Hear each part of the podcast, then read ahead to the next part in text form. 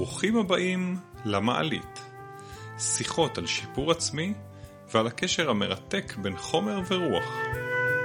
אנחנו, יניב אדרי ודני גולן, פריקים של מודעות עצמית. שנינו בחרנו להקדיש את חיינו להתפתחות אישית, וללוות אנשים בדרך למימוש עצמי ומקצועי. תוך כדי המולת החיים יצאנו לחקור את התודעה האנושית, ואת חידת הקשר בין עולם החומר לעולם הרוח. הוא גיטרה, אני חליל. תבחרו קומה, במעלית. כסף ועולם הרוח. איך הם קשורים אחד לשני? האם אנחנו יכולים לזמן כסף לחיינו? איזה הוא העשיר? ואולי בכלל עדיף להיות עני? מה הקשר בין הכנסה פסיבית להתפתחות אישית? ומה קורה מבחינה אנרגטית כשאנחנו מקבלים סכום כסף גדול? ועוד פלפולים וחוכמות אצלנו במעלית. יוצאים לדרך. מתחילים. אני מזמין אותנו להתבונן על כסף כסוג של אנרגיה שנוכחת בכמויות מסוימות בחיים שלנו. אני שמתי לב שאפשר לשחק עם האנרגיה הזאת, לזמן או לדחות אותה. תראה, בעשור האחרון אני מלווה עסקים, בעיקר עסקים קטנים ובינוניים, בתהליכים שקשורים ישירות לנושא של כסף. מתי כסף זורם בקלות, מתי הוא נתקע, האם יש דרכים לזמן אותו, האם יש משהו שאנחנו יכולים לעשות כדי להביא אותו לחיים שלנו. הכסף הוא גם uh, סוג של פידבק שאנחנו מקבלים מהעולם הזה, כן? אני, uh, אם אני מרוויח, אז אני שווה. אני נותן מוצר מסוים, אני מקבל עליו תמורה, אז זה נותן לי פידבק שהמוצר הזה לגיטימי, uh, איכותי וכן הלאה. ואם אני לא, אז זה לא רק שחסר לי כסף, אלא גם שאני מקבל איזשהו פידבק מהעולם, תדייק משהו. אתה צריך לעשות משהו אחרת. ואז אני מניח שאנשים מגיעים אליך בגלל זה, שהם רואים שהם עושים משהו כמו שהם מאמינים, אבל לא מספיק כסף נכנס מזה, אז כנראה צריך לדייק משהו. אז אני רוצה להגיד לך שאני לא כל כך מסכים עם הדבר הזה. לפעמים לוקח זמן לייצר כסף. אם אתה לא, אה, מתחיל תהליך ואתה לא מצליח לייצר כסף ברמה העסקית מיידית, זה לא אומר שאתה לא בכיוון. אני רואה בתהליכים שאני עושה עם אנשים שיש תהליך שאנשים צריכים לעבור, וברגע שהם אה, נאמנים לתהליך הזה, בשלב מסוים כסף מגיע. אתה בא ואומר לי, תחכה, יכול להיות שאתה בכיוון, איך אני יודע שאני כן בכיוון, אני מוכן לחכות, אוקיי? אני עכשיו נכנס לראש ולנעליים של בן, בעל אה, עסק או בן אדם פרטי, זה לא משנה, ואני אומר, אוקיי, אני מוכן לחכות. אבל איך אני יודע שאני בכיוון? איך אני יודע שמה שאני עושה הוא אכן יביא לי בסוף כסף? עכשיו אני רוצה להרגיע אותך. או. ולחזור אל, אל השיחה הקודמת שלנו, בה דיברנו על ייעוד. לפי התפיסה שלי, כאשר בן אדם מגיע לפה לחיים, אחרי גלגולים שהוא כבר עשה, לפני שהוא בא לפה, הוא חותם, עושה איזה שהם הסכמים בינו לבין בורא עולם, לבין כל מיני אנרגיות שנמצאות פה, יש לזה הרבה שמות, אבל בסוף זה אותו דבר. הוא עושה איזשהו הסכם, מה אני בא ללמוד בגלגול הזה? חלק ממה שנצטרך להתמודד איתו פה, בעולם הפיזי, זה נושא הכסף. אתה עושה עם עצמך חוזה של כמה כסף אמור להגיע אליך בשלבים מסוימים של החיים, כל עוד אתה נאמן לתסריט החיים שלך, כסף אמור לזרום בצורה שוטפת, אתה, זה נקרא תסריט תמך, אתה אמור להיתמך מאיפשהו, כסף פתאום יגיע. תיפתח איזה קרן השתלמות, ההורים שלך יצאו מהעולם ויורישו לך איזה ירושה, פתאום יגיע כסף או תיסגר איזה עסקה ויגיע לך כסף, כל עוד אתה נאמן לתסריט החיים ולדרך שעליה חתמת, אמור לזרום עליך כסף די בקלות. זאת אומרת, מה שאתה, מה שאתה בעצם אומר שהכסף הוא תסריט תמך בחיים שלנו, וכשאתה דיברת אז אני ראיתי איזשהו מסלול מקביל בעצם, יש אותי, את העשייה שלי, ויש במקביל מסלול של הכסף, אה, שהוא בעצם איזה סוג של תשתית כזאת, ש... כל עוד אני אה, גולש ב, בקצב הנכון של החיים, מממש את עצמי, נאמן לעצמי, מקשיב לעצמי. כסף אמור לזרום אליך בלי בעיה. וואו, זו אמירה מדהימה, אתה יודע, וזה חשף אותך. זה, אותי זה מאוד מרגיע. וזה גם נותן פרופורציה, אתה יודע? וזה נותן פרופורציה ל... לכמה אה, כמה להשקיע בכסף עצמו וכמה להשקיע בעצמי. אבל עלתה לי שאלה או, או אמירה תוך כדי על האם אנחנו באמת מוכנים לראות את הכסף כ, כאיזה משהו ש, ש, שאנחנו לא צריכים בעצם להתאמץ עליו, אלא אנחנו צריכים פשוט לראות אותו בא אלינו ולפעמים גם הולך מאיתנו ולהיות שלמים עם זה. ואני חושב שבשביל זה צריך איזושהי תודעה, שהיא תודעה אחרת, תודעה שמשחררת את התלות הזאת שיש לנו. והתלות הזאת באה אלינו בכל מיני, אה, אה, כל מיני רמות. במקרא כסף מתואר כדמים. זאת אומרת, יש לנו פחד קמאי שלא יהיה לנו כסף. כסף מתואר כמשהו שאם אין לי אותו, אני לא שורד. זאת אומרת, זה לא משהו שהוא אקסטרה. כסף זה לחיות או למות. ולכן יש לנו פחד הישרדותי קמאי אולי ב-DNA שלנו, שמדבר על זה שאם לא יהיה לנו, יש לנו חוסר שקט אה, קבוע. המורשת המשפחתית שלנו משפיעה על היחס שלנו כלפי כסף. המורשת המשפחתית, אני מתכוון לאיך ההורים שלי התייחסו לכסף, איך סבא וסבתא שלי התייחסו לכסף, מה היה משלח ידם, האם הייתה תחושה של חסר בבית, האם הייתה תחושה של שפע. האם כסף הוא מגבלה ובגלל שאין אותו אז, אז אי אפשר להשיג כל מיני דברים ובגלל שאין אותו אז אסור לחלום גבוה וצריך שיהיה משהו פרקטי. אלה קולות משפחתיים שחלק גדול מאיתנו גדל בתוכם. אני מבין את זה זאת אומרת היו תקופות של תקופות הישרדותיות שבהם אה, לחלום או להגשים את עצמך וללכת עם החלום שלך זה היה נחשב אקסטרה של האקסטרה. בוא תנחת על הקרקע תממש את עצמך במקום מסודר, שתהיה בתוך המסגרת, ו- וככה גם אתה תקבל גמול כספי, זאת אומרת, המדד של כסף, גם היום, הוא שאתה צריך להיות מסודר כספית, ככה אתה גם נתפס בעיני הסביבה. לצערי, אנשים מקטלגים אותך לפי רמת הכסף שלך. אני רוצה לספר לך רגע משהו אישי, שאני מבין תוך כדי הדברים. כילד גדלתי בבית שלא דיברו בו על כסף בכלל. לא ליד הילדים, הייתה מציאות לא, לא פשוטה ואני מבין את האווירה של מה שקורה, אני לא מבין את התוכן. אני מבין שיש אווירה סביב כסף והאווירה היא טאבו, אווירה שלילית. מסוכן להתעסק עם הכסף. אתה יודע, אפילו שהייתי מקבל אה, דמי כיס או מקבל איזה כסף, אז, אז ישר אמירה כזאת של תשמור אותו, אה, של, של, אה, שההיסטוריה, כמו שאתה אומר, הביאה אותי לזה שהמגע הראשוני שלי, המגע שלי עם כסף, לא נעים. ויכול להיות שזה גם משפיע על, משפיע על האופן שבו אה, כסף בא אליי והולך ממני. אתה אמרת שזה במקורות זה דמים, זאת אומרת יש לנו תלות לחיות מהדבר הזה והיום ההישרדות שלנו כבר הפכה להיות הישרדות חברתית, זאת אומרת היום אנחנו לא דואגים להאם נחיה או לא נחיה, אנחנו דואגים לאיך יראו אותנו. תחזוקת התדמית. תחזוקת התדמית, סטטוס, איך יראו אותנו. ו... כולנו אה, מכורים לסטטוס, אנחנו דיברנו על זה גם בפרק על יהוד, אנחנו לא מוכנים לעשות פעולות שיראו מוזר או שיפרידו אותנו מהשייכות החברתית שלנו. וזה מדהים כי זה גם מתחבר לכמה כסף אני מרוויח, זאת אומרת יכול להיות שאני יכול להרוויח הרבה יותר, כן? אבל אני אצטרך לשלם על זה מחיר אחר, מחיר חברתי נגיד, והכלום... המחיר של הזמן שאתה תשקיע במשהו שאומנם יפרנס אותך, אבל הוא ישאב לך את הדבר שאתה אמור לעשות, זאת אומרת, זה ב trade off, זה תמיד, האם אני עושה את מה שאני אמור לעשות? אם כן, אמור לזרום לי כסף. לפעמים אני סוטה, אני מקבל הרבה כסף, אבל אני לא במסלול שלי. וואי, זה ממש ממש מבלבל. אני רוצה שאנחנו נמצא את המתכון או את הנוסחה הנכונה שמכניסה את כל המשתנים המורכבים האלה. איך אני אמור גם לעשות כסף, גם להיות מודע לזה שאם הוא לא בא אליי אז אני בסדר, אני בכיוון.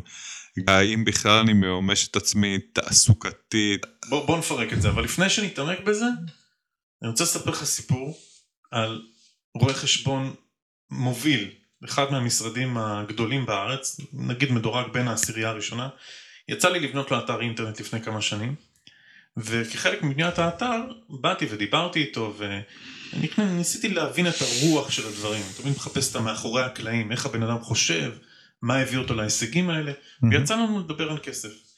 וראיתי משרד גדול, 80 עובדים, שאלתי אותו, תגיד, אתה רואה חשבון מתעסק כל הזמן עם כסף, איך אתה מתייחס לנושא הכסף האישי שלך? אתה הרי חברה בעם, איך אתה... אז הוא אמר לי, תקשיב, אני מתייחס לכסף כמו אל נקודות במשחק.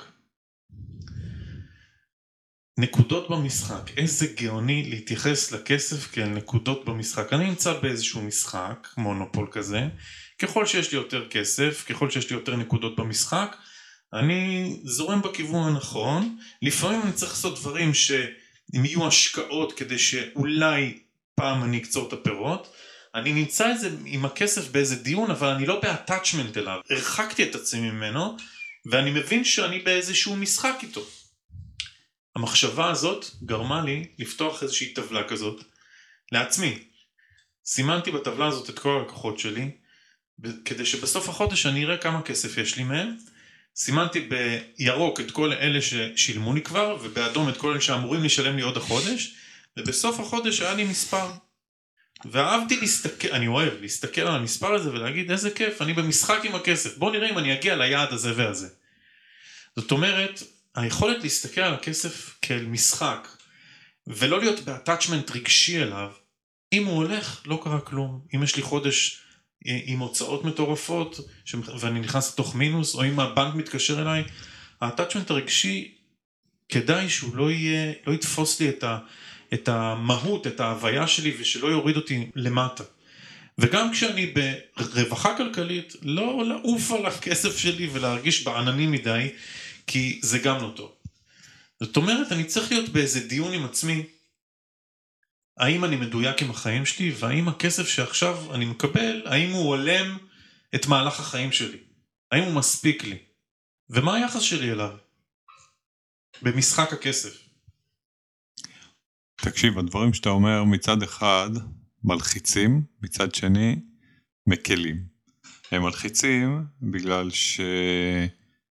שכשמתקשרים אליי מהבנק, או אני מניח שלרוב האנשים שמתקשרים מהבנק לא מתקשרים בשביל לשמח אותם או להגיד איזה בשורה טובה, נתנו לך איזה משהו, בדרך כלל מתקשרים שמשהו לא בסדר, שמשהו, אה, או שרוצים להציע איזשהו מוצר, או שלרוב זה בגלל שאני פשוט אה, במינוס.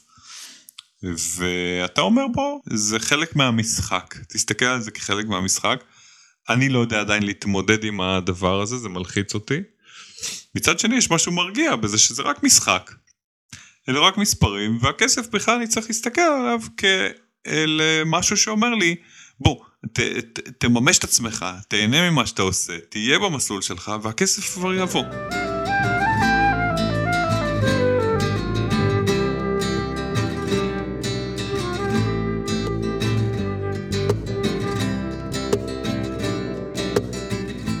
כסף יגיע זאת אומרת אני צריך לשים את עצמי רגע, לבודד את עצמי מכסף. אני לא נמדד לפי כסף, כי אם אני מודד את עצמי לפי כסף, אני מתרחק, לחלוטין מתרחק מהדבר שאני אמור לעשות.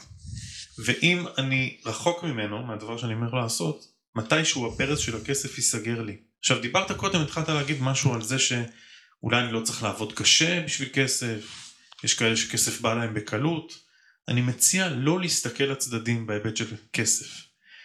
המסע שאני חתמתי עליו הוא לא המסע שאתה חתמת עליו, הוא לא המסע שאחותי חתמה עליו ולא המסע של ההורים שלי. כל אחד חותם על מסע חיים שבתוכו יש מנות מסוימות של כסף שאמורות להגיע אליו בשלבים מסוימים בחיים.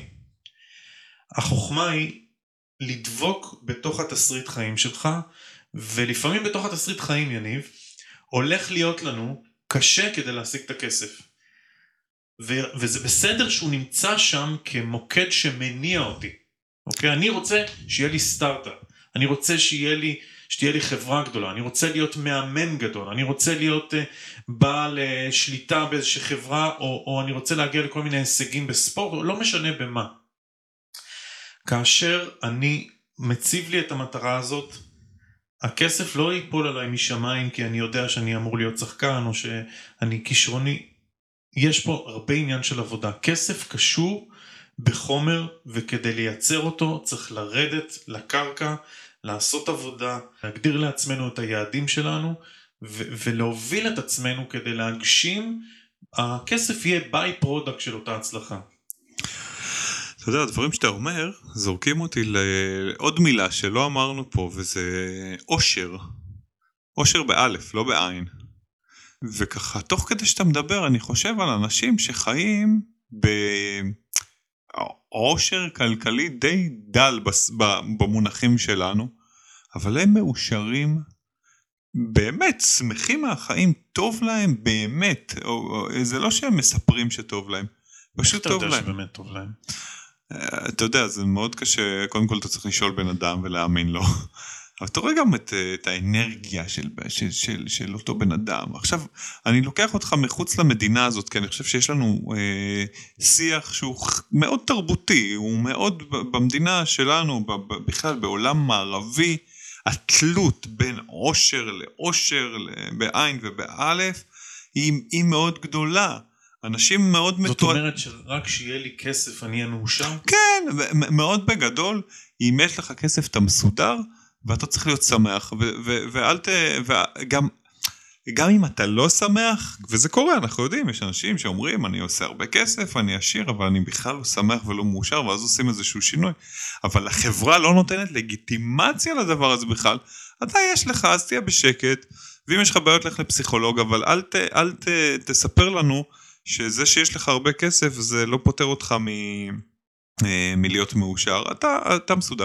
זאת אומרת שכל השיח החברתי סביבנו הוא שכסף כן שווה אושר, ואני הולך למקומות אחרים, בעולם שלישי, במדינות מדרום אמריקה או, או, אה, או אפריקה, מקומות כאלה, שבהם התודעה קצת שונה, ואני רואה אנשים שחיים במה שאנחנו נקרא עוני, אבל מבסוטים לגמרי, זאת אומרת שם אין את אותה תלות, התלות היא תרבותית.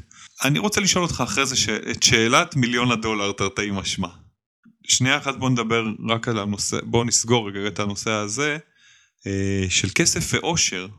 יש משפט שאומר איזה הוא עשיר זה השמח בחלקו. ואני רוצה לצאת נגד המשפט הזה ולהגיד שבן אדם שהוא שמח בחלקו זה שם אותו פתאום באיזה מצב של מספיק לך, אתה תישאר קטן, אתה לא חייב לצמוח, אתה תהיה שמח בחלקך. כי עושר מביא צרות, אוקיי? יש לך הרבה נכסים, הרבה דאגה. השמח בחלקו, תהיה מאושר במה שיש לך, אתה יש לך חלק קטן, ת... לא נאמר שיש לך חלק קטן, איזה הוא העשיר השמח בחלקו, זה החלק שלך, תשמח. ואני חושב שהטבע שלנו הוא דווקא לא כזה. אנחנו באים לפה לעולם עם חסר. זאת אומרת, תסריט החיים שעליו אני מדבר, מדבר על זה שאתה צריך להשלים כל מיני דברים. יש לך, מה שמניע אותך בחיים זה שיש לך כל הזמן משהו שאתה רוצה להגיע אליו, להשלים אותו, להתקדם איתו. ואני חושב שכסף הוא מנוע מדהים לצמיחה, צמיחה אישית וצמיחה כלכלית. אני חושב שלעשות את הכסף אה, למשחק זה משהו שהוא גאוני. הוא ממש משחרר אותי מהאטאצ'מנט הזה, האטאצ'מנט זה בעצם התלות, כן? יש לי אז אני שווה, אין לי אני לא שווה, יש לי יש לי מה לאכול, אין לי אין לי מה לאכול, ולשחרר את זה קצת. ואני רוצה uh, להתייחס למושג הזה שאתה דיברת עליו של אנחנו כולנו באים לפה uh, לאיזשהו חסר כן גם בגלל הסיפור המשפחתי uh, גם בגלל התרבות שאנחנו חיים בה אנחנו בתרבות של חסר, של, של, של כל הזמן לרצות להשיג עוד, של תחושה שאין לי מספיק וזה מה שיניע אותי, אני רוצה אה, להציג את המושג המשלים לחסר, אה, וזה שפע. אה, מדברים היום על תודעת שפע, מה זה מדברים היום כבר הרבה מאוד זמן, המושג הזה פעם היה נחשב מאוד רוחני, היום הוא כבר יותר במיינסטרים. ששפע זה לא אומר שיש לי פיזית הרבה, זה אומר שאני חי בבית גדול, או יש לי מכוניות חדשות, או יש לי את כל מה שאני רוצה לקנות, זה, זה שפע מסוג אחד, אבל שפע הוא גם תודעתי, זה אומר ש, שאני בעצם שמח בחלקי, זה תודעה של שפע. ואני רוצה לחבר את זה רגע לנושא שאתה כל הזמן חוזר אליו, אה, וזה הקשר בין אה, כסף לייעוד. ואני רוצה לחבר את זה תוך כדי, אה, אה, בתוך אותה מילה, שפע והשפעה. השפע שלי הוא בעצם תוצר של ההשפעה שלי. ככל שאני מבין, באתי לעולם הזה להשפיע, להזיז משהו. אנרגטית, פיזית, רעיונות, להביא משהו, להמציא משהו חדש, למה כל אחד יש לו איזה ייעוד, אמרנו את זה כבר. אם אני באתי עם ייעוד, ואני באתי להשפיע על העולם, על אנשים, על, ה, על, על מה שלא יהיה, אז בעצם השפע שלי בא מההשפעה שלי. אם אני בהשפעה נכונה, מדויקת לי, ואת זה אני ארגיש אם אני מאושר, נקודה. חוזר על זה עוד פעם, זה חילוק הדעות הגדול בינינו. אני ארגיש שאני משפיע נכון אם אני מאושר באמת. יודע למדוד את האושר שלי נכון, אבל באמת מאושר. אז אני גם, ברגע שאני משפיע נכון, אני גם בשפע, ואני רוצה לספר לך שיש לא מעט אנשים שמצליחים לנתק את עצמם רגע אחד מהשיח החברתי הזה סביבם, מהסטטוס הזה, מהצורך להשתייך לרגע, ואני רואה אותם באמת באמת שמחים. האחרים תופסים אותם כקלי דעת וראש, אבל הם שמחים מהחיים, הם לא עשירים גדולים, אבל הם מאושרים גדולים, ואני לוקח את כל העשירים שיש, ואני אומר, אני מתערב שהם מקנאים באותו אדם, שרק שמח בחלקו, חלקו אגב יכול להיות ענק, זה בכלל לא קשור לחלק, אלא שמח במה שיש, ואז מרגיש שהוא אה, בשפע.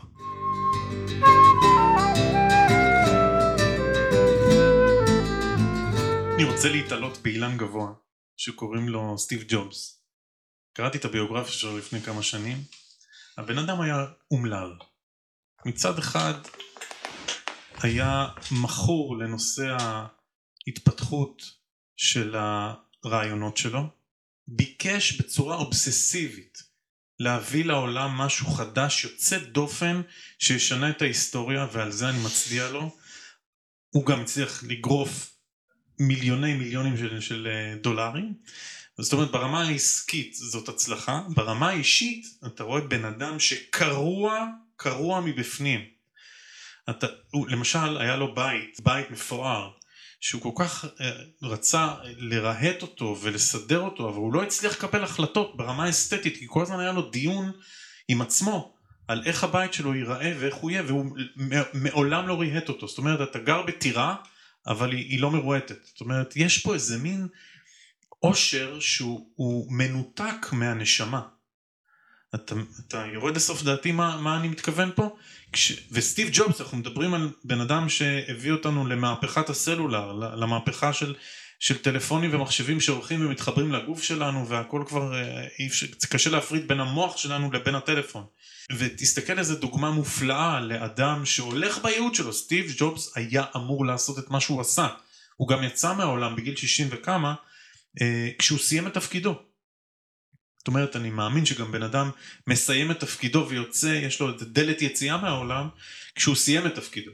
עכשיו, הדבר המעניין הוא שתראה, עשיר מופלג, שבניגוד למה שאמרת קודם, לא יודע לחיות את החיים שלו באיזה מין הרמוניה ש, אה, שעושה, שעושה לו טוב, ובערוב ימיו, בסוף, הוא יסתכל אחורה על הנקודות ש, שבהם הוא פספס. ויש לו כל מיני נאומים כאלה של, של איך, הוא, איך הוא מצטער על כל מיני, על, על מערכות יחסים הדפוקות שהיו לו עם העובדים שלו, הוא היה מתעלל באנשים. אז זאת אומרת עושר וכסף זה לא מדד ל... ל well-being, זה לא מדד להתפתחות אנושית ב, ב, ברבדים של מערכות יחסים, של אה, אה, הרמוניה בין אנשים, של שיתופי פעולה. זאת אומרת כסף צריך למסגר אותו ולא לתת לו את המשקל הכבד שאנחנו נותנים לו היום בחברה שלנו ועל זה אני מקונן כבר שנים. אני מסתכל על התאגידים, אני מסתכל על, אה, על המשפחות העשירות. יש מעט כאלה בעולם שמחזיקות בכספי עתק בעוד שחלקים גדולים מהעולם עניים. עכשיו אני לא סוציאליסט ואני לא חושב שצריך לחלק כסף לכולם ושאני חושב שאנשים צריכים להיות מונעים מהדחף הפנימי שלהם והם צריכים לעשות עבודה של התפתחות. אני גם לא בעד מדינת רווחה שנותנת כל הזמן כספים לאנשים ומעודדת את, ה, את הפרזיטיות. אני חושב שהכסף בעולם מעוות ברמת החלוקה שלו ושאנחנו לא למדנו לשחק איתו ברמה כזו שהוא יכול לתמוך בנו. מצד אחד השתעבדנו אליו כי אנחנו הפכנו את הכסף לאלוהים, מי שאין לו מכונית כזו או מי שלא עובד בעבודה כזו או מי שלא מרוויח ככה וככה הוא נחשב תמיד פחות וזה אין מה לעשות זה, זה מושרש בנו בחברת השפע mm-hmm. בצורה מאוד מאוד מאוד עמוקה. זה מאוד מבלבל. אני עכשיו צריך לבחור דרך. איך אני בוחר דרך? אתה אומר יש מסלול שאתה צריך ללכת בו וכנראה תרוויח איקס במסלול הזה ו... וזהו וחתמת על זה. זה לא, אגב בתוך המסלול הזה יש פרקים.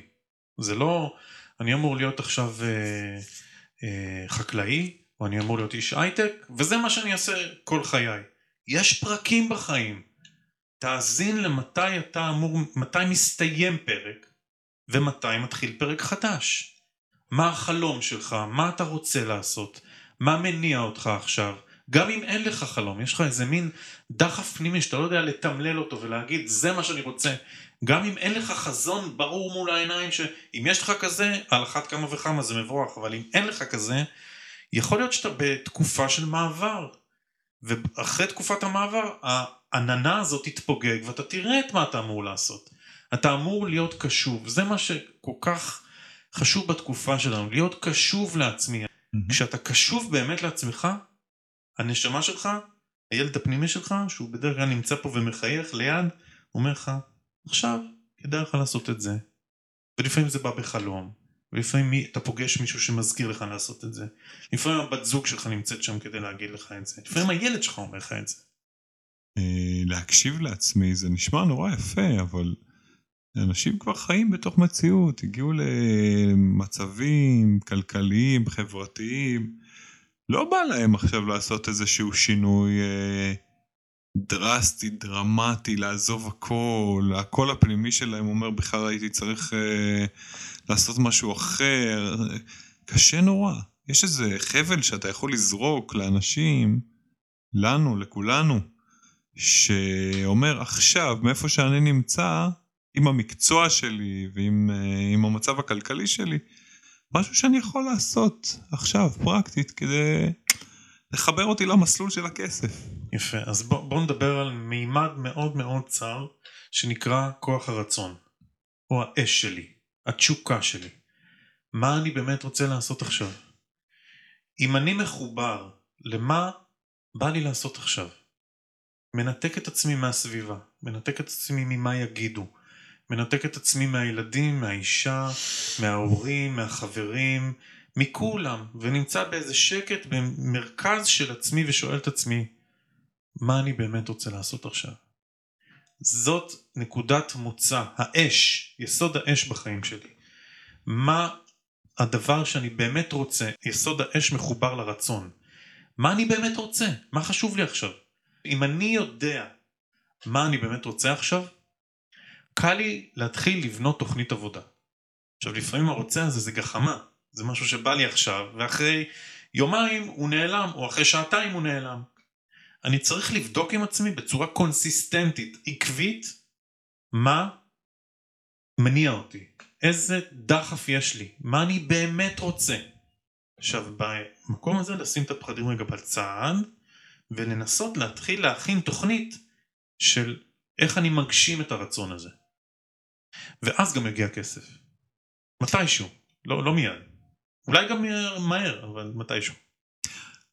אני רוצה לתת עוד איזה שהוא, אה, נקרא לזה טיפ קטן, אה, והוא בלי לעצור ולהתחבר ולנתק, ושזה בעיניי מאוד נכון, אבל מאוד מאוד קשה לעשות את זה, יש איזה מחיר כבד ואני מתערב שרוב האנשים אמ, אה, ישמעו את זה ויגידו, תשמע, זה, זה נשמע נורא נכון, אבל יאללה, אני חוזר לענייניי, אל החיים שלי, לקצב. אני רוצה להשלים את הרעיון שלך ממקום אחר, אה, ומקום שאומר, תסתכל על מה שאתה עושה היום. איזה דברים טובים אתה עושה. הרבה אנשים יש להם ביקורת על העבודה שלהם, על זה שזה לא עבודה מספיק טובה, ודיברנו על זה. אה, על החשיבה הסטטוטורית הזאת, כן? כל הזמן להשוות את עצמי, להשוות, אבל אם אני רגע מסתכל על אני והעבודה שלי, מה אני עושה בה? אני רגע אה, מבקש להעריך את הדברים הטובים שאני עושה, ועכשיו לשאול את עצמי, האם אני יכול להרוויח יותר ממה שאני עושה? האם אני מתוגמל מספיק למה שאני עושה? מצאתי המון המון אנשים, ואני מסתכל בעיקר על אנשים ש, שכסף זה לא, לא מה שיש להם הרבה בחיים, ולשאול אותם, האם פנית למנהלת או מנהל שלך, או מי שאחראי על, על תגמול כספי אצלך במקום שאתה עובד, וביקשת העלאה בשכר? רוב הפעמים המוחלט אני שומע מה פתאום. ואני אגיד לך שרוב הפעמים שאני אומר, אוקיי, מה אתה מעריך בעבודה שלך, כמה זמן אתה עובד שם, אם זה בן אדם שכבר עושה את העבודה מספיק ותיק, אני מעודד ללכת ולבקש העלאה בשכר, משהו מאוד מאוד פשוט, פרקטי. דני זה מדהים, כולם מקבלים תשובה חיובית. כולם. כל מי שכמובן, אתה יודע, לא מישהו שעובד חודש במקום ואז בא, מי שמותאם לזה, מי שזה עובד מספיק זמן במקום מסוים, עושה עבודה טובה, מוערך, אבל פשוט מקבל את המשוב הזה שדיברתי עליו קודם בחשבון הסופי, בתלוש משכורת, הוא יסתכל עליו כל פעם ויגיד, אני יכול יותר. אני יכול יותר, זה לא מה שמגיע לי, אני underpaid מה שנקרא. וזו תחושת בטן שהמון אנשים הולכים איתה. לך או לכי ובקשו העלאת שכר ותראו שבמילה, בשתי מילים, בשיחה, גם נוסף עוד כסף למשכורת, זאת אומרת הסכום החודשי עולה, כי נוסף עוד כמה שקלים לשעה, בקלות. וגם, והרבה יותר חשוב בעיניי, התחושה פתאום עולה. אני משולם לפי מה שאני באמת שווה, מה שמעריכים אותי, וזו רק ההתחלה, אנחנו מזכירים פה, זה רק ההתחלה. אנחנו שווים הרבה יותר, ברגע שמשם אנחנו נעלה על מסלול של הגשמה, וואלה. הוכחתי שאני יכול לקבל כסף עבור מה שאני עושה טוב, אולי אני אלך עם עצמי יותר, אני אעשה יותר את מה שאני עושה טוב, אני אלך אולי לעבודה אחרת שתמיד חלמתי. מפה מתחיל מסלול ההתפתחות האישי, שאנחנו גם אומרים, ופה אנחנו מסכימים, יש לו גם שורש כלכלי, זאת אומרת שמי שעוסק בהתפתחות האישית שלו, מי שמגשים את עצמו, בוודאי בוודאי יוכל להרוויח יותר. אנחנו מכירים מדדים הכי פשוטים שיש, כמה השכלה אנשים רכשו לכמה כסף הם עושים.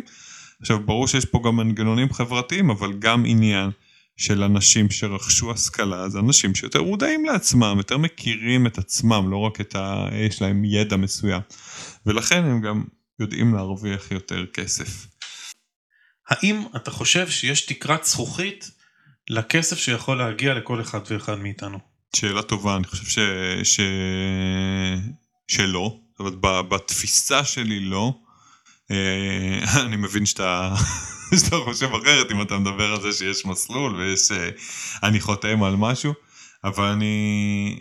בוא נאמר שאם אני מייצג את, ה, את התמים בשיחה שלנו, אז אני חושב שלא, אין גבול, ו, וגם אם אני... אה, לא, אין, אין גבול. אין אני... גבול, זאת אומרת, גם אתה יכול להיות עשיר כמו ביל גייטס? אם אני אעשה את הדברים הנכונים ואצליח, כמו שאתה אומר, למצוא את המסלול הזה, אני אגיד את זה אחרת. אני כן חושב שלכל אחד יש מסלול מסוים אפשרי לעשות הרבה כסף. אמ, ואני מקשר אותו גם לזה שהוא עובר דרך השמחה והאושר שלו, אבל גם דרך למידה ודרך הבנה של חוקי המשחק, ואני כן חושב שאם כל אחד ישחק את חוקי המשחק, אה, הוא יהיה עשיר גדול. יפה, אז אני הפוך ממך, חושב שבהחלט יש לנו תקרת זכוכית של כמות הכסף שאנחנו יכולים לעשות, להרוויח במהלך החיים, אבל ניתן לזה כמה פנים. פן אחד מדבר על אותו תסריט חיים שחתמתי עליו, כדי לממש אותו אני צריך כך וכך כסף. יהיה לי במהלך החיים שלי מנות קצובות של כסף. הן יכולות להיות מאוד מאוד גדולות והן יכולות להיות מאוד מאוד קטנות. תלוי במה אני אמור ללמוד פה. יש אנשים שבאו לפה כדי ליצור שפע עצום, כמו ג'ף בזוס מאמזון, כמו ביל גייטס ועוד uh, רבים וטובים, וגם uh, שהכסף uh, עלה להם לראש והם שכחו את עצמם. אני בהחלט חושב שמי שיש לו דחף פנימי לפרוץ את תקרת הזכוכית, יש סיכוי גדול שהוא יצליח לפרוץ אותה. השאלה באיזה מחיר.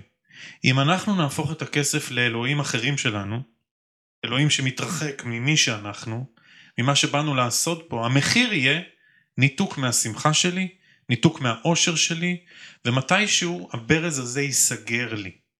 זאת אומרת שאני, זה טוב לדעת שיש לך תקרת זכוכית, בתנאי שאתה נאמן לדרך שלך. אם אתה טוב לך במשהו שאתה עושה, אמור להיות לך שפע. אם אתה לא מסופק, תבדוק או תבדקי מה חסר שם. חסר לך כסף? יש דרכים לגייס אותו. יש דרכים להביא אותו. דיברנו על להתנתק מהמצב הרגשי השלילי שמעכב אותו, ועוד מעט נתעמק בזה עוד קצת. אבל תקרת זכוכית, אני חושב שהיא היא, היא קיימת, ולא קיימת בשביל כולם. זאת אומרת, יש אנשים שיחיו באושר, ויפרצו את תקרת הזכוכית שלהם. הם צריכים להיות נאמנים בד בבד לחיבור שלהם, למסלול שלהם, ויש אנשים שיהיו, יחיו בדלות, אבל זה מה שאמור להיות להם. והמדד של זה, זה האם יש להם אנרגיה, והאם הם מתפתחים, והאם הם עושים את הדבר הבא שלהם. כל הזמן אני עושה את הדבר הבא שלי.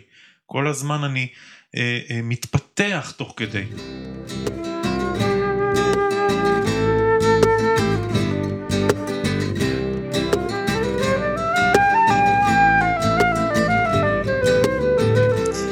דני, אתה מרים לי לשאלת מיליון הדולר, הנה הגיע הזמן שלה, והשאלה היא, האם אתה היית רוצה לזכות בלוטו? זכייה בלוטו זה לשבור, בשפה שאתה משתמש בה, לשבור בשנייה אחת, ברגע, באבחה של טופס. באבחה של הראלה. באבחה של הראלה, לשבור את, אה, את תקרת הזכוכית הזאת. איך אתה יכול להתייחס לזה שאנשים כן יכולים לשבור את התקרה הזאת בשנייה. לא קשור לייעוד ולא קשור לכלום, קשור לזה שמילאתי טופס בכמה שקלים, והנה, השתנתה מציאות החיים שלי. אתה, קודם כל שתי שאלות, אתה היית רוצה לזכות בלוטו? שאלה שנייה, מה אתה חושב על זה בהקשר של ייעוד? באופן אישי לא הייתי רוצה לזכות בסכום כסף גדול, עם יד על הלב.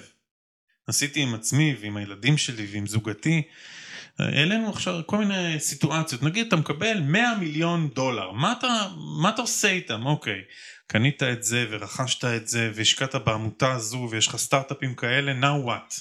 אני מדבר באופן אישי, מנקודת המבט המאוד צרה שלי כאדם על הכדור הזה, שאם אני הייתי עכשיו מקבל סכום גדול, זה היה מעכב לי מאוד את ההתפתחות. זה היה מסיט אותי מהדבר שאני אמור לעשות אותו עכשיו. עכשיו כשאני אומר את הטיעון הזה אנשים באים ואומרים לי רגע אולי יכולת לעשות את מה שאתה עושה עכשיו בסדרי גודל הרבה יותר גדולים. לא אני חושב שמה שאני עושה עכשיו הוא הדבר הנכון לי לאותו רגע. אני לא רוצה להישמע שאני מסופק. אני רחוק מזה מאוד. אני חושב שהפוטנציאל של מה שאני עושה עכשיו הוא רק 15% אולי ממה שאני יכול להגיע. וזה היה פעם הרבה פחות מזה. אבל אני חושב שאם יגיע עכשיו סכום כסף גדול, אני אתרחק מאוד מהייעוד שלי, מהיכולת השפעה שלי. זה נכון שאתה יכול עם כסף לקנות המון יכולות והמון אנשים חכמים והמון אנשים שיבואו לעזור לך. אני חושב שבשלב זה של חיי אני מרשה לעצמי להגיד, אולי זה ישתנה בעתיד, אבל אני מרשה לעצמי להגיד שסכום כסף גדול יסיט אותי מהתפקיד שלי, יזיז אותי מהפוקוס שלי, ייקח אותי מה, מהדברים שאני אוהב, של פשטות, של, של צמצום, של uh, צניעות. אני רוצה לחבר את זה לתנועת ההאטה. אתה מכיר את תנועת ההאטה? לא. תנועת ההאטה מדברת על איך, זה ההפך מתנועת השפע. זה לנסות לחיות את החיים במינימום קניות. זה להסתכל על הכסף שלך ולהגיד זה מדד אנרגטי, אני אצרוך רק מה שאני חייב. אני לא אקנה צעצועים ולא אשקיע בשטויות ו- ואשים את הגחמות שלי בצד, גחמה זה משהו שאתה, שאתה נורא רוצה אבל אחר כך אחרי כמה שעות היא נעלמת. ואני אשקיע את הכסף, צריך לראות שזה לא הופך לקמצנות, אני אשקיע את הכסף רק בדבר שאני באמת באמת רוצה. ואני מאוד מחובר להתייעלות האנרגטית הזו. אז אם אני רוצה לזכות בכסף, אני, אני באופן אישי לא, אני חושב שגם אחרים כדאי שלא, אני חושב שזה דבר שהוא הורס אנשים, אני גם מכיר אדם שזכה בסכום גדול בלוטו וזה הרס לו את החיים. אני מסייג את עצמי ואומר שזאת החוויה שלי ויכול להיות שמישהו שזוכה בסכום כסף גדול אולי זה משהו שהוא חלק מהייעוד שלו. אולי זאת המקפצה שלו לעשות את הדברים שחסמו אותו. אז זאת החוויה שלי. מה אתה חושב על אה, לזכות בלוטו? אני הייתי שמח לזכות בלוטו. אה, אבל אני מאוד מתרשם מהדברים שאתה אומר ואני חושב ש, שברגע שהבנתי אה, מה, הייעוד שאני חושב שיש לי פה אז כסף היה עוזר לי לממש אותו ולאו דווקא מעת אבל אני מאוד מתחבר למה שאתה לא אומר, אתה לא אומר שכסף או, או הצורך בכסף יוצר איזשהו רעב להתפתח ולזה אני מאוד, אה, אה, מאוד יכול להתחבר. אה, אגב זה די מעניין שאחד הנתונים שאני חושב שהרבה אנשים מכירים זה שהמון אנשים שזכו בסכומים גדולים נכנסו אחר כך לחובות. אפילו יש כזה אמירה שהיא בטח לא נכונה אבל היא מעניינת. אה, שנכנסו לחוב באותו גודל של הרווח זאת אומרת שעלתה העקומה עלתה למעלה וירדה למטה באותו מדד באותו גובה אה, וזה מאוד מאוד מתחבר לתודעת השפע שאם גם אם יש לך סכום גדול אבל אין לך תודעה של שפע זאת אומרת אתה לא יודע מה לעשות עם זה אתה עדיין מרגיש שחסר לך אתה תתחיל להסתבך עם עצמך ובסופו של דבר לאבד את כל מה שהיה לך אבל אה, מהגובה הרם שעלית ככה תצנח למטה אה, וזה זה, זה קורה הרבה אנשים. הדייג ודג הזהב. הדייג ודג הזהב מגררמה לבירה מקטע צניחה מגובה רב היא בהחלט אה, יכולה גם להפיל. אני עדיין הייתי שמח לזכות ולו מה, מהסיבה הפשוטה שאני מאלה שחושבים ש... ש... once אתה יודע להתנהל עם כסף וזה כבר עוד משהו שאפשר לדבר עליו אה, על איך מתנהלים נכון עם כסף אחרי שדיברנו על רוח וזה איך מתנהלים once אתה יודע להתנהל איפה להשקיע ומה לעשות וכמה להתייחס לזה זאת אומרת כמה אנרגיה להשקיע בכסף וכמה להגיד אוקיי זה רק מספרים אז, אז אני חושב שאפשר לעשות עם זה הרבה דברים נהדרים בעולם הזה. עוד משפט אחד אני אגיד על נושא כסף ויסודות. כסף שייך ליסוד האדמה. המאוד מאוד חומרי. Mm-hmm. למרות שבבנק הוא מתנהל דרך מחשבים והעברות של ביטים באפס ואחדים, אבל כסף זה דבר שסופרים אותו במדרגות. show me the money, אני רוצה לראות את זה. אם אנחנו הולכים לספר של נפוליאון היל, חשוב והתעשר, הוא מדבר שם על היכולת אה, להניע את עצמי, לעשות לעצמי תהליך הנאה, לשים את המוטיבציה שלי ולגייס את הכוחות שלי, אותה אש שדיברנו עליה קודם, ולהכין איזה תוכנית של איך אני מגיע לשם ואיך אני כותב לעצמי את זה. הנה להתחיל להביא את הכסף מהרוח. אני קודם מדמיין את זה, אני בונה לעצמי תסריטים של איך אני אמור לממש את הפרויקט שלי, את החזון שלי, אני חוזר על מנטרות, אני חי את זה יום יום, את החלום שלי. ומתישהו אחרי הרבה הרבה ניסיונות באדמה, ניסיונות של לגייס את הכסף רק כפועל יוצא מהפרויקט שלי, זאת אומרת זה לא הכסף זה הפרויקט שלי, מה אני רוצה לעשות. כשאני עושה מספיק עבודה ברמה החומרית, אני מצליח בשלב מסוים, אם זה מתאים לתסריט חיים שלי, לממש ולהוריד לקרקע את הכסף. זאת אומרת, הנה, כס, הנה דוגמה לאיך אני בונה לעצמי את התרחיש חיים שלי בדמיון דרך הרוח, דרך הרצון שלי, דרך הרגשות שלי, אוקיי? דרך ההנאות שלי גם. בשורה התחתונה בסוף זה אפשר למדוד את זה ברמת האדמה, כמה כסף יש לי בחשבון הבנק. זה ספר מאוד מאוד מומלץ, מנהלים ו- ואנשים שעוסקים ביזמות ובכסף, הרבה חוזרים אל הספר הזה, גם אחרי שקראו אותו כמה פעמים, ואני מאוד ממליץ על לשים עליו יד ולקרוא אותו. הזכרת לי עוד תרגיל כשאני אומר תרגיל אני מתכוון למשהו מאוד מוחשי שצריך לעשות אותו, כן? זה לא לחשוב עליו רגע. אה, אפרופו כסף ואדמה, אנחנו לא תמיד רואים את הקשר בין, אה, בין הפוטנציאל שיש לנו לצמיחה ולכסף ולכמה זה מביא אה, ולשפע, אז אחד הדברים שאני מאוד מאוד אוהב גם להמליץ לאנשים אחרים לעשות וגם בעצמי, זה לבחור צמח מסוים שמייצג עבורי את הצמיחה הכלכלית שלי. מה זה אומר? במילים הכי פשוטות לקחת שתיל קטן או זרע אפילו ולשים אותו באדמה או בעציץ וכל יום, אבל זה ככה כל יום, יש שיחה קטנה איתו, להשקות אותו קצת, יש כאלה שמדברים עם צמחים אפילו לדבר איתו קצת, ולראות איך הוא צומח, אבל לקשר אותו בראש שלנו, אני קורא לזה צמח השפע שלי. וואו. אבל זה יכול להיות גם הגינה שלי או איזה עץ ששתלתי, זה לא משנה.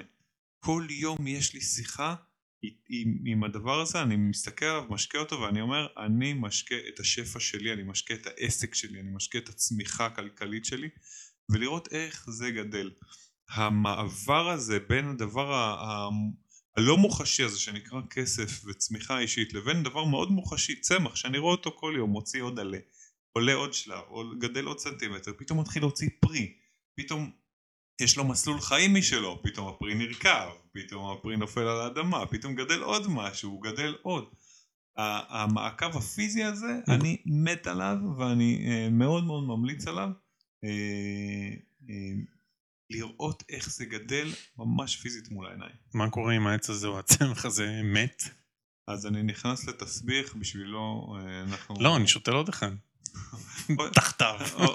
כן, אבל בטח אם שמתי עליו כזאת משמעות אז זה יסבך אותי, ואז אני מחליט מה אני עושה, ואנחנו צריכים להבין, אגב צמיחה, שיש פה עניין, כמו בטבע ממש, יש פה עניין של מחזוריות, ואתה דיברת עליה קודם, לפעמים אני בשפע, וכמו שעץ בעונה מסוימת מוציא פירות, ובעונה אחרת אין לו אפילו עלה אחד עליו, והוא נראה ערום ועריה, ואנחנו צריכים להתחבר לגלגל הזה, גלגל השפע שאומר כרגע יש, כרגע אין, כרגע אני בתהליך, כרגע אני זרע, כרגע אני במשהו שהולך להיות משהו והוא ישתנה והוא ילך. ברגע ש... הרי מה, למה אנחנו קוראים לטבע טבע? כי החוכמה הזאת טבועה בתוכו. הוא לא צריך ללמוד, העץ לא מתבאס שעכשיו יש לו פרי או אין לו פרי. הוא פשוט יודע, הוא יודע את עצמו, הוא יודע שבעונה מסוימת יש פירות, בעונה אחרת זה, בשנה הזאת יש יותר, בשנה הזאת יש פחות, הכל בסדר לו. הוא לא עכשיו נכנס לדיכאון או משנה את דרכו, הוא רוצה להיות עץ אחר בגלל שעכשיו יש לו פרי או אין לו פרי או אין לו עלים עליו. או שכרגע הוא זרע באדמה שאף אחד לא רואה ואף אחד לא יודע, אבל גם הזרע הזה יודע שהוא הולך להיות עץ תפוזים שופע. והידיעה הזאת נמצאת בטבע בכל דבר ואצלנו אצל בני אדם אנחנו כל הזמן בוחנים איך העץ השני נראה איך השכן שלי נראה למה אני לא ככה ואיך אני לא ככה ויש לנו שיחות פנימיות לכן אני מאוד מאוד בעד להסתכל על המחזוריות הזאת להסתכל על צמח שצומח להסתכל גם על העץ ולהגיד יש לי מה ללמוד ממנו עד כאן המעלית נשמח לתגובות, תובנות ואפילו ירידות באתר האינטרנט שלנו. חפשו בגוגל המעלית עם יניב אדרי ודני גולן.